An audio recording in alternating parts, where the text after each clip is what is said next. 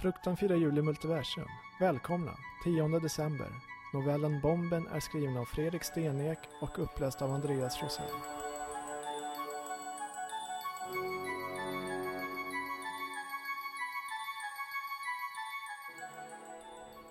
Får jag slå mig ner? frågade det välrakade geniet.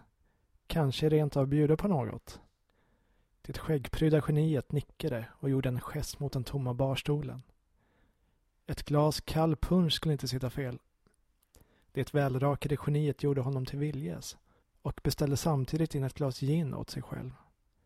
Baren var tom på folk, med undantag av en mycket diskret bartender. En TV med knappt hörbar volym hängde i hörnet. Den visade en man med hår som liknade dammtussar. Han höll ett tal som knappast någon annan än han själv begrep. Jag antar att du följer prisutdelningen? Ja, det gör jag varje år. Ofta som ren självspäkning, men ändå. Han tystnade och tog en stor klunk av sin kalla punch. Ibland skäms jag för att jag instiftade det här priset. Det har blivit rena farsen. Och en fars måste väl ha sina klavertramp, antar jag. Förvisso. Tänker du på någon särskild?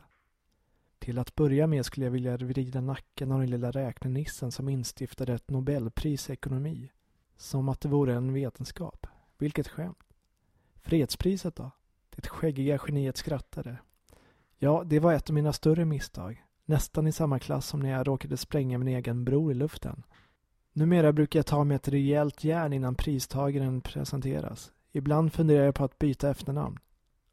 Det välrakade geniet tystnade och tittade på tv-skärmen. Den visade tre grå eminenser som skakade hand med den svenska kungen. Vi har något gemensamt du och jag. Vi har båda uppfunnit nya förödande vapen. Vi var båda lika övertygade om att just vårt vapen var så gräsligt att det skulle att omöjliggöra krig i framtiden.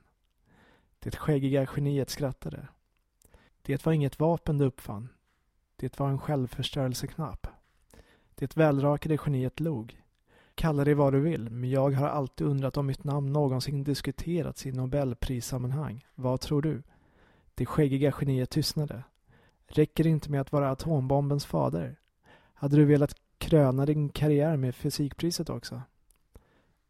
Nej, inte fysikpriset, fredspriset.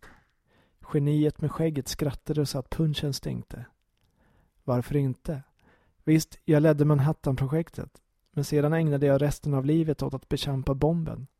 Du kan inte påstå att jag förtjänar fredspriset mindre än Yasser Arafat. Eller Henry Kissinger.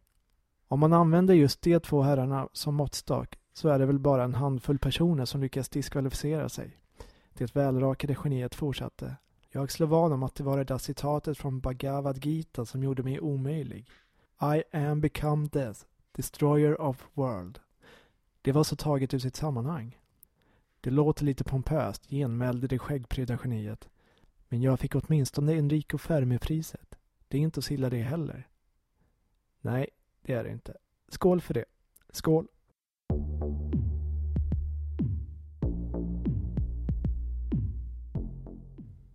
Du har precis lyssnat på Fruktans julkalender. Lyssna på fler noveller på fruktan.se.